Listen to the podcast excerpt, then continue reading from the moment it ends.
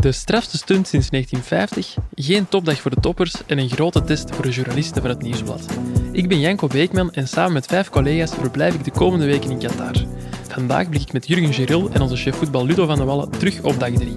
Welkom bij de voetbalpodcast van het Nieuwsblad. Welkom bij Shotcast WK.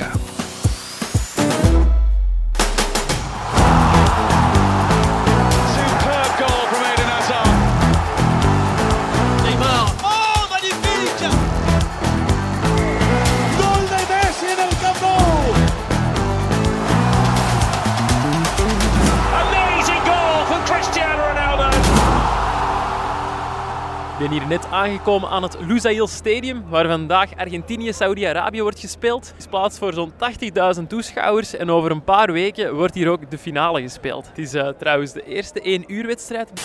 Ik ben hier eh, net op mijn plaats aangekomen en eh, nog een lastige zaak, ik zit hier tussen heel veel mensen in het groen. Salman Al-Farah heeft net evenveel applaus gekregen als Lionel Messi. Het is een eh, bijzonder WK. Vrije trap eh, voor Argentinië, maar de VAR die is ondertussen naar het scherm geroepen voor een potentiële strafschop. Nothing in this area. No audio, no video, nothing. Ah, why not? Because it's the rules. It's the FIFA rules. Als ik een eh, beetje anders klink, is dat omdat ik ondertussen met mijn gsm moet opnemen. Ik heb hier net eh, gehoord dat ik mijn microfoon moet wegsteken, omdat ik op een zogenaamde observer seat zit. Geen derde keer goede keer voor Argentinië. Ook de derde poging op 2-0 wordt afgekeurd voor buitenspel. Net op tijd terug op mijn plaats, want de Saudis hebben gescoord. Saudi-Arabië wint met 1-2 van Argentinië. De eerste stunt van dit WK is een feit en de dag zit er nog lang niet op.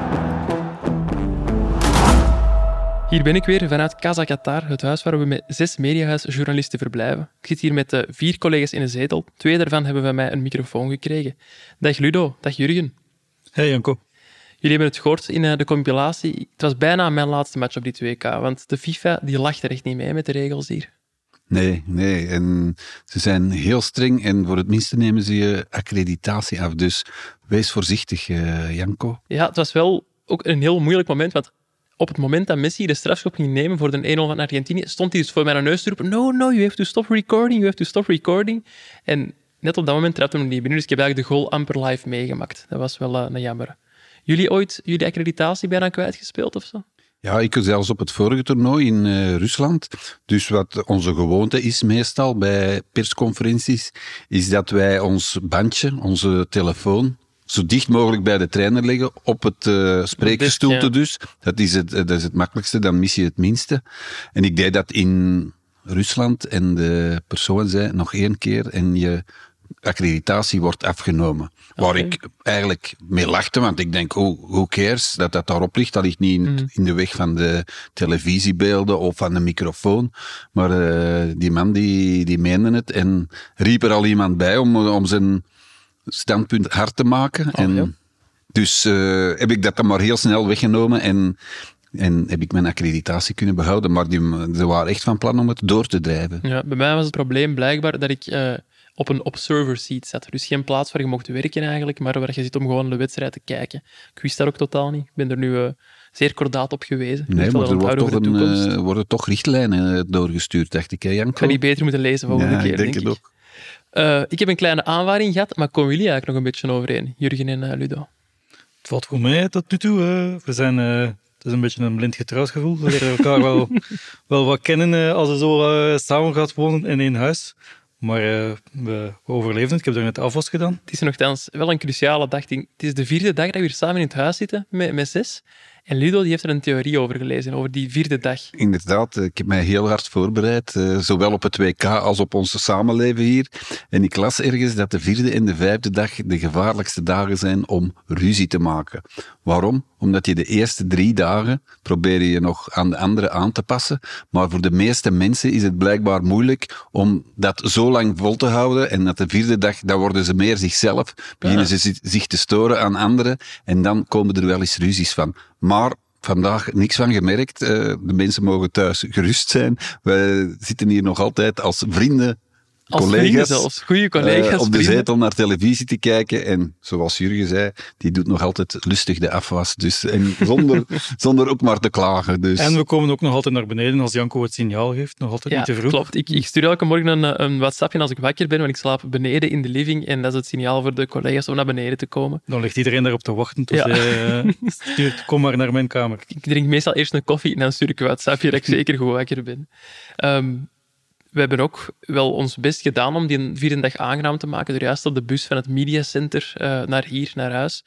Toffe gesprekken gehad met, met Bart, met Christophe, met Pieter Jan. En Bart, dat is trouwens de vierde collega hier in de zetel die geen microfoon heeft, die heeft zelfs extra zijn best gedaan door voor ons een paar verrassingen te verstoppen.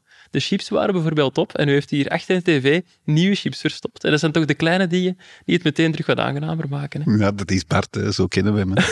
Het Sinterklaasgevoel. Oké, genoeg gezeverd. Tijd om over voetbal te praten.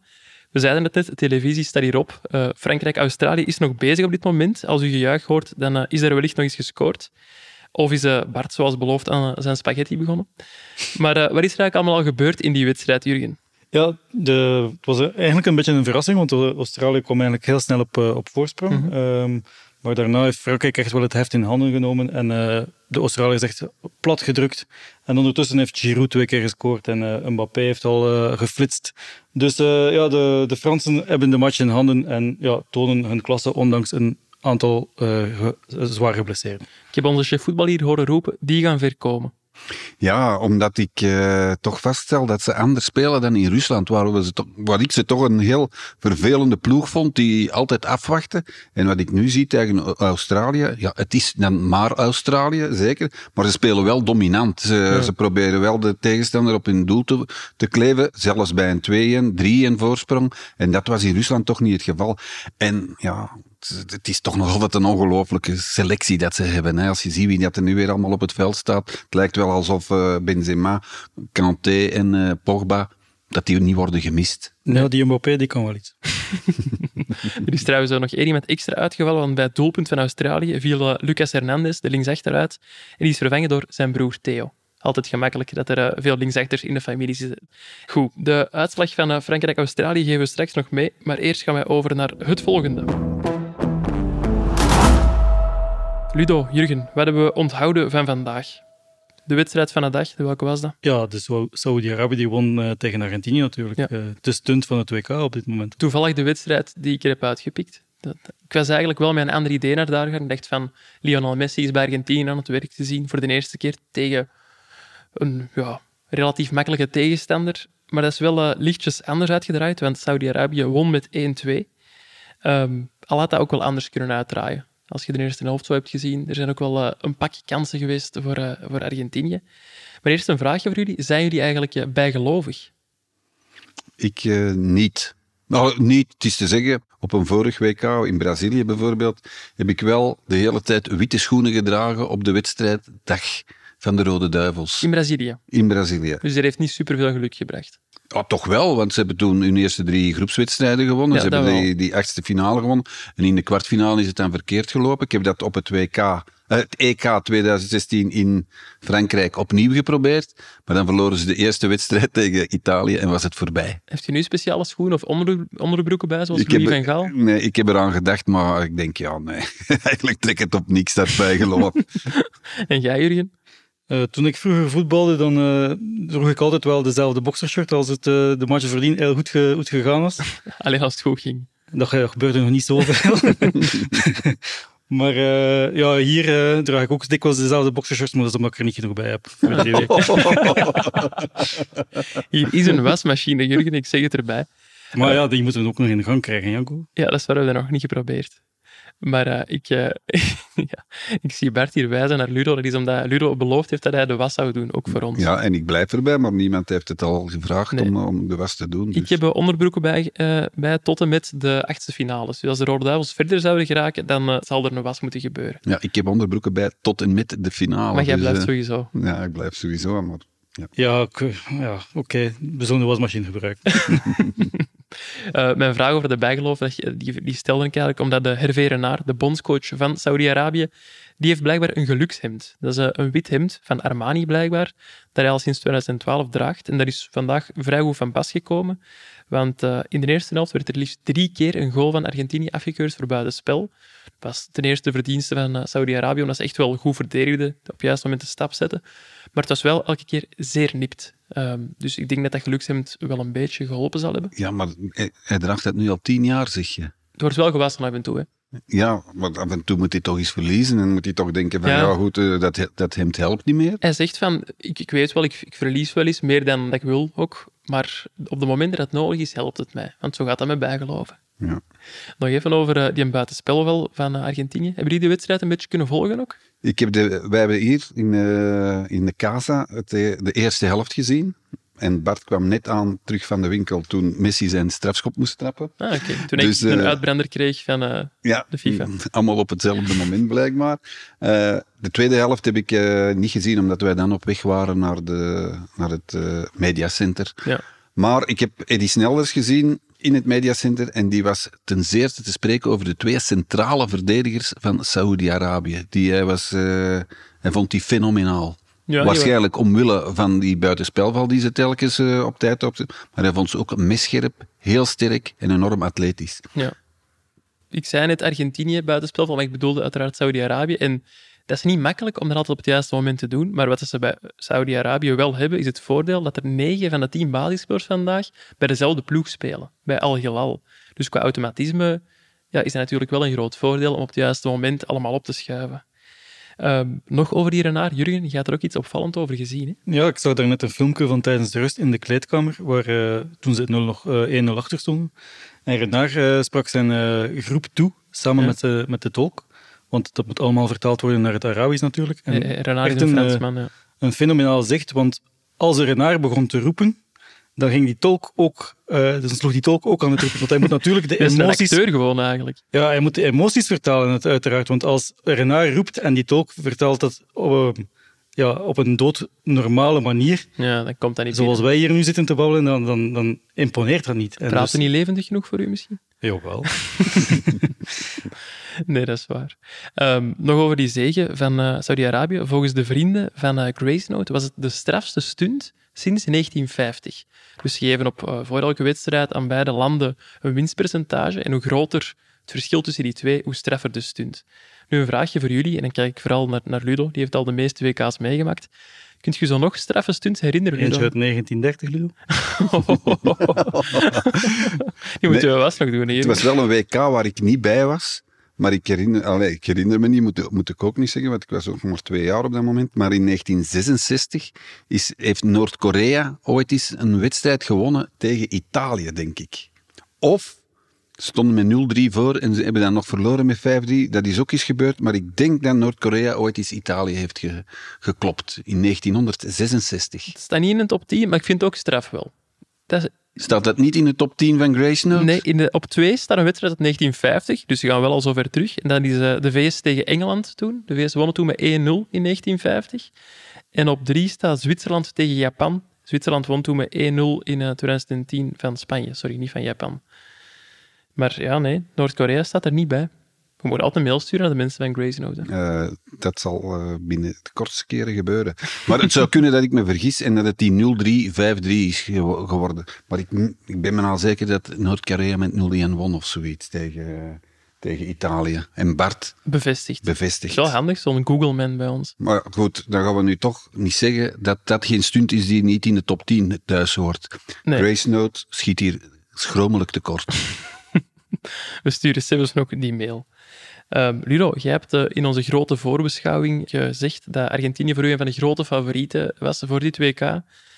Heeft, eh, hebben die titelambities nu een knauw gekregen na die nederlaag? Niet noodzakelijk. Je hebt het daar net zelf aangehaald. Zwitserland-Spanje in 2010 werd ook 1-0. Goed, Zwitserland is nu wel niet eh, die zwakke ploeg die we dachten dat eh Saoedi-Arabië is. Hè. Dus dat is nu nog iets anders. Maar het betekent niet dat als je je eerste wedstrijd verliest, dat je ook eh, geen wereldkampioen niet meer kan worden. Er zijn voorbeelden genoeg. West-Duitsland in 1974 verloor ook van Oost-Duitsland. Met een doelpunt van Jurgen Spaarwasser. De, leven, de levende omdat, ik, eh, omdat ik het gisteren nog met Bart heb over gehad. Ah, dus, maar allee, dat zijn van die dingen.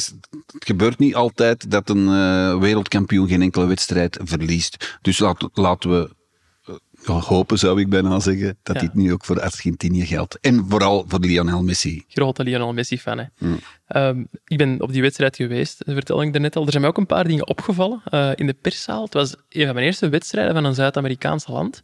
En ontzettend veel vrouwen bij de Zuid-Amerikaanse televisiezenders. ja, dat is een gewoonte in eh, Zuid-Europa. Ook Ja, in- Italië, ook- Spanje Ook je Italië dat ook heeft dat meer. ook, dat, eh, dat vrouwen voetbalprogramma's presenteren. Ja, ja. ja, in tegenstelling tot bij ons zijn het meestal mannen die die dingen presenteren. Ja, het zijn uitsluitend mannen, hè.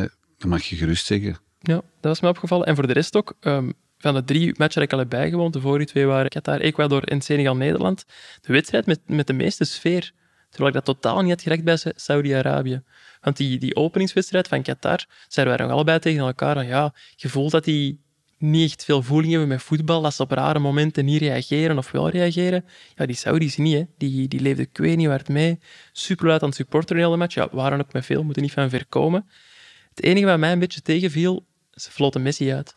Dat is heiligschennis, hè. Voor mensen die zo gelovig zijn. Ja, dan moeten we de kwalificatie van ze kennen er wel iets van. Ja. Ondertussen terug veranderen van ze kennen er niets van. Ehm, nog ironisch, het feit dat ze Messi uitfloten. Eh, Messi is toeristisch ambassadeur van Saudi-Arabië. Dus allee, dan maakt het eh, nog zotter eigenlijk om die uit te Is fluiten. hij dan al in eh, Saudi-Arabië geweest? Ja, hij is er al geweest. Ik weet niet wat er te zien is, maar op die dag al zeker Lionel Messi. Dus dat is toch al veel waard. Hè? Ehm, nog een straf niet-WK-nieuwtje tussendoor. Cristiano Ronaldo, dus toch, die heeft toch een link met Lionel Messi. Die eh, gaat in onderling overleg uit elkaar met Manchester United. Daar juist op eh, de BBC werd Vincent Company, die daar zat als analist, gevraagd van ah, moet je me niet hebben bij Burnley? Zijn antwoord was nee, ik heb spelers nodig die kunnen lopen. Gedurfd van, eh, van Company. hè. Ja, maar hij heeft, heeft 100% gelijk natuurlijk, want ik weet niet waar Cristiano Ronaldo nu gaat terechtkomen. Hij heeft in de zomer heeft hij al eh, geprobeerd weg te geraken bij Manchester United. En toen was het ook eh, niemand die hem eigenlijk nog wilde. En ik vrees dat dat nu ook hetzelfde zal zijn. Tenzij hij de breuk heeft geforceerd, wetende dat hij al ergens anders onder dat kan. Maar ik denk toch niet dat dat in de top van Europa zal zijn. Hm, Misschien Dus ja, Ronaldo speelt hier op dit WK voor een transfer. Ja, die zal zich in de kijker kunnen spelen donderdag tegen eh, De het Ghana van Dennis Odoi. De scouts zullen aanwezig zijn. Ongetwijfeld. Lionel Messi was niet de enige topper die het liet afweten of die eh, niet won vandaag. Want Polen-Mexico eindigde op 0-0 en eh, Robert Lewandowski miste op het uur een penalty. En zo is Saudi-Arabië leider in groep C. Wie had dat eh, gisteren gedacht? Ehm, Lewandowski heeft dus nog altijd niet gescoord op dit WK, maar ook nog nooit op een WK in het algemeen. Eh, ik heb daarom een klein quizje voor jullie voorbereid. Ik ga jullie vijf namen geven en jullie moeten mij zeggen of hij al gescoord heeft op een WK of niet. Ik zal mij even zetten. Oké. Luis Figo. Jij eerst, eh, Jurgen. Nee. Ludo. Ja, Het is eh, nee. Luis Figo heeft nog nooit gescoord op een. WK. Samuel Eto'o. Ludo. nee. Ja. Het is ja. 2-0 voor Jurgen. 2-0, het kan nog net. Eh, Frank Lampard. Jurgen. Nee. Ludo. Ja, die heeft zeker gescoord, maar dat doelpunt werd niet toegekend. Die, want die bal die Wat is uw definitieve antwoord? botste achter de lijn, dus zeg ik nee. Dat klopt. Het is eh, dus eigenlijk ja, 3-1. Dat kan eigenlijk niet. hè. Die hebben allebei gelijk nu. Nee, dan moet je er nog eentje bij stellen. Oh, je moet hier een verzinnen hebben ze. Eh, Zlatan Ibrahimovic. Ludo? Ja, Ja. Nee, nog niet gescoord. Eh, nog eentje voor, eh, voor, de, voor de eer dan. Davor Soeker. ja, zeker wel. Jurgen? Zeker wel. Je mag niet overtuigd zijn, maar het. Nee, verdorie. Waarom Ja. bracht dit niet eerst aan Jurgen? Ludo, heb jij ooit niet met Davor Soeker op het veld gestaan? Ja, trouwens? we hebben nooit eens eh, voor een wedstrijd eh, Kroatië-België, ik denk zelfs de legendarische wedstrijd met Frankie van den Driessen in het doel, hadden wij, waren wij uitgenodigd door de Kroatische pers om te voetballen. En wij gingen erop in. En in onze ploeg stond toen Mark de Grijze, Luc Nielis. En bij de tegenstanders speelde Davor Suker, Suker mee. En, gescoord? Dat was indrukwekkend. Ja, zo ik denk, allee, ik ga nu niet zeggen dat ik al op WK's heb gestaan, maar ik heb toch regelmatig zo met eh, grote voetballers gespeeld, hè, wij dan als pers. Dat was het beste wat ik ooit heb gezien, wat dat die allemaal kon. En de wedstrijd eindigde op 6-6. En daarvoor Sukker scoorde de zes doelpunten voor de Kroaten. En ja, ik heb toen ook een doelpunt gescoord. vragen, dat wil ik even zeggen. Ja? Ik stond op het penaltypunt. Luc Nielis trapt een hoekschop zo hard dat ik die gewoon bom op mijn hoofd kreeg en die bal die vloog binnen. Echt waar, echt waar. Dat zijn de mooiste doelpunten. Heb je na dat doelpunt een traantje gelaten s'avonds? Nee, dat eh, heb ik niet gedaan. Ik heb wel zo snel mogelijk naar huis gebeld om dat te vertellen. Dus jullie zijn geen eh, emotionele jongens. Nee, eigenlijk niet. Dat, eh, Ja, ik wel eigenlijk. Maar Wel? goed, dat is misschien voor een andere keer. Oké, ja, we- misschien dat we elkaar tegen volgende week nog beter hebben leren kennen. Maar ik vraag het Maar omdat... kennen jullie het Belgisch volkslied? Sorry. Bijvoorbeeld. Z- zeker, Worden- ja. Emotioneel, ja? Ik ken er, nee, ik weet daar niet bij, maar ik ken, kan het wel van buiten zingen. Ja? Ik ga dat nu niet doen. Hè. We hebben maar 25 minuten en we zitten al bijna over de helft. Ehm, nee, ik vraag het omdat eh, we hebben de eerste winnaar van het toernooi gevonden. Tijdens eh, Mexico-Polen was het eh, Alexis Vega die het moeilijk had om het droog te houden bij het Mexicaans volkslied. Ik moet het toch altijd even benoemen, omdat onze collega Geert Gijssen, chef, adjunct chef sport van het Nieuwsblad, die, die houdt er wel van, van mannen die wenen bij het volkslied, bij deze. Ludo, nog iets om te huilen. Niet alleen uw favoriet op eindwinst, maar ook uw Dark Horse Denemarken heeft de punten laten liggen in zijn openingswedstrijd. Speelde 0-0 gelijk tegen Tunesië. Maar dat is volgens u een goede zaak, heb ik gehoord vandaag. Ja, ik, eh, ik zou dat eerder een goede zaak vinden dan, eh, dan, dan een slechte zaak. Want dat betekent dat ze scherp zullen staan, eh, de Denen, in de volgende wedstrijd. En dat betekent geen zins dat ze een slecht toernooi gaan spelen. Dat gebeurt is de eerste wedstrijd. Kan, kun- kan de Belgen ook overkomen tegen een eh, heel gemotiveerde tegenstander. Die die eerste wedstrijd alles geeft. En dan kan het wel eens zijn dat je geen, eh, geen doelpunt kunt scoren. Dus Denemarken, maak je geen zorgen, het is nog niet voorbij. Ludo gelooft nog in jullie. En moeten we nu hopen dat de Duivels morgen punten laten liggen tegen Canada? Nee, ik zou eigenlijk liever hebben dat ze gewoon winnen, want eh, dat brengt altijd wel een dynamiek op gang. Dat eh, als ze nu niet winnen tegen Canada, dan zou het nog het pessimisme nog groter worden, denk ik. En ik denk dat dat ondertussen wel zijn eh, limiet heeft bereikt, eh, dat pessimisme. Oké, ik stel voor dat we nog wat verder gaan op die Duivels in onze volgende blokje. Goal! Oh ja! Goal, goal, goal, goal! Als zij spelen, speel jij. Bet live op ladbrokes.be. Gok met maten. Wil eh, even naar de dag van de Duivels gaan. Eh, Jurgen, waar hebben ze vandaag allemaal uitgespookt? Of wat heb jij eigenlijk vooral uitgespookt vandaag? Ja, dus de duivels zaten vooral in het perscentrum waar de persconferenties waren, maar ik ben naar eh, de luchthaven gegaan, waar de familie van de Rode Duivels is toegekomen om morgen te supporteren tijdens de wedstrijd. Iedereen al? Of? Nee, en een deel van de, families van de Duivels zijn gearriveerd. Onder andere de vrouw van de bondscoach, Bet. Die was er, maar ook eh, de vrouw, want ze zijn effectief getrouwd, van Leander de Donker.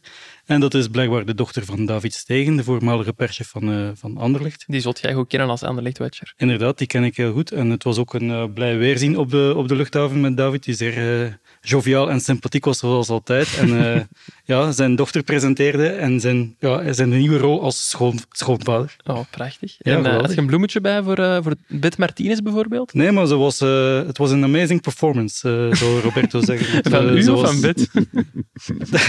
van beiden. Maar ze was heel sympathiek en ze was heel hoopvol dat de Belgen een goed toernooi zouden spelen, want ze wil blijven tot 19 december. Heeft ze hier nog onderbroeken bij? Dat, eh, er is een wasmachine in het hotel van eh, de Rode en zij weet hoe ze hem aanzet. Ludo ook. Martinez was trouwens niet de, de enige bondscoach die vandaag zijn vrouw mocht ontvangen. Want bij Nederland was het, was het vandaag familiedag. En Louis van Gaal die, mocht zijn truus verwelkomen. En hij had er meteen goesting in. Laten we even luisteren naar een eh, kort fragmentje. Ja, dat gewoon bij mij op de. Heeft dat bippie Heeft een Prachtig, hè? Geweldig. Ik wou het nog even vragen aan Bet Martinez. of ze met- de Roberto een webje ging maken, maar eh, Hoe ziet je dat in het Engels, is dat maar de vraag. ja, dat had ik niet voorbereid. Nee, dat dacht ik al. Kom, over naar eh, het volgende. De volgende rubriek hebben we grotendeels voor de woordspeling in het leven geroepen, maar ook om een antwoord te bieden op elke vraag, elk historisch feitje of elke bedenking die u heeft. Dit is Qatar nog niet aan gedacht.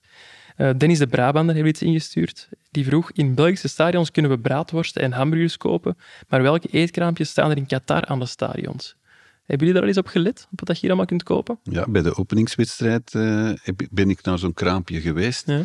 En er was heel veel drinken te krijgen, alles wat je wilt, Fanta, cola, water. Geen pintjes? Maar er, maar er lag zo, nee, geen bier. Maar er lag zoiets heel onduidelijks in plastieke zakken. Dat leken mij broodjes, maar op een of andere manier waren dat gewoon broodjes en voor de rest zag ik niks. Zag ik niet iets dat ertussen stak of zoiets.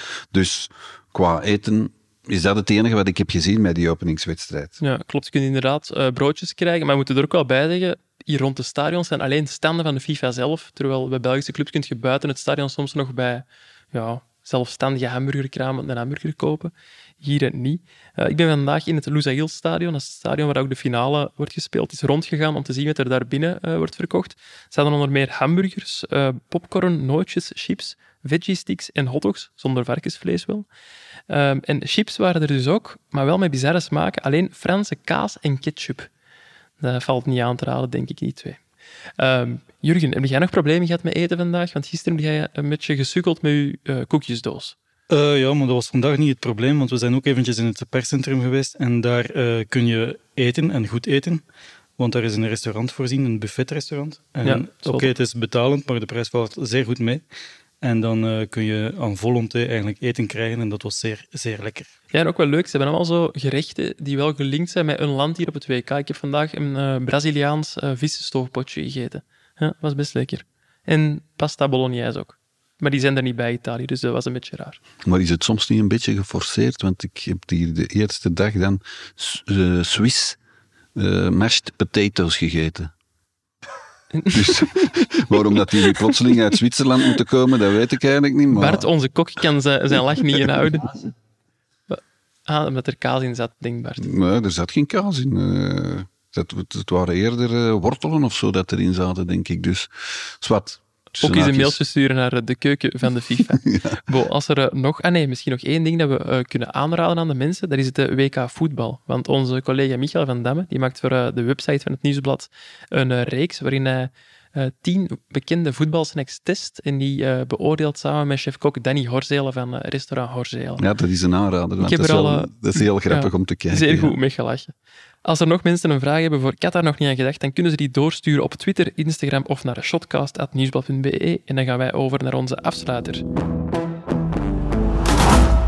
Frankrijk heeft de, met 4-1 gewonnen van uh, Australië, hebben we net gezien. Uh, dat is zo gebleven. Er is niet meer gescoord ondertussen. Mannen, wat staat er voor jullie morgen op de planning? De Belgen spelen tegen Canada, maar hebben jullie voordien nog werk? Hebben jullie een, een vaste routine naar die wedstrijd toe? Ja, ik ben uh, in bij de loting in uh, maart ben ik hier ook al geweest en ik heb toen het stadion be bezocht waar ze morgen gaan spelen. Dus ik heb daar beelden gemaakt. Heel interessant, zou ik zeggen. Surf naar onze website, ga naar onze mobiele app en bekijk die beelden. Dan kan je zien hoe de kleedkamer eruit ziet. De zitjes met, de, met alle airco. Uh, heel interessant. Ja, Jurgen, jij? Ik ga Hervé ernaar gewijs een wit hemd zoeken om uh, aan te doen s'avonds naar een match, zodat hij geluk brengt. Is dat mijn dresscode morgen? Iedereen moet een wit hemd dragen. Oei, en vooral een lange broek. Uh... Is het een lange broek morgen? Ja. ja. Morgen gaan wij als nieuwsblad in uniform naar de wedstrijd. Lap, dan zal ik morgen vroeg nog moeten gaan shoppen. Nee, ik ga uh, met Jurgen morgen vroeg ook nog op stap. We gaan naar een hotel in het uh, centrum van Doha, waar een aantal uh, bekende genodigden van de FIFA logeren. hopelijk wat bekende koppelspotten die u misschien een paar vragen kunnen stellen voor de krant en of de podcast.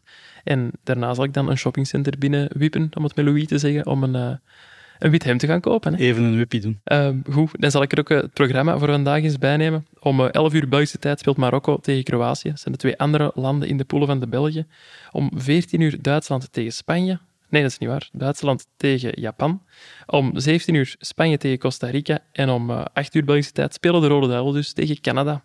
Hou ook zeker eh, de socials uh, van Shotcast in de gaten, want om wat extra liefde of love te verspreiden, doen wij straks voor de wedstrijd nog een uh, giveaway van het, het witte Rode Duivel shirt. Goed, was dit voor vandaag. Ik denk dat we zo waar binnen de tijd zijn gebleven. Hebben jullie er een beetje van genoten? Nee, want ik ben de quiz tegen Jurgen verloren. Je kunt morgen revanche nemen misschien. Nee, morgen niet. Dat moeten we er nog bij zeggen. Morgen is er geen eh, aflevering bij ons, maar maakt Lars Godot vanuit België een aflevering met Frank Raas en Frankie van der Els. Die gaan samen naar de wedstrijd van de Rode Duivels kijken en daarna nog een, een eh, shotcast opnemen. Ook iets om naar uit te kijken. Ja, absoluut. Tegen Pieter Jan winnen zeker, Ludo.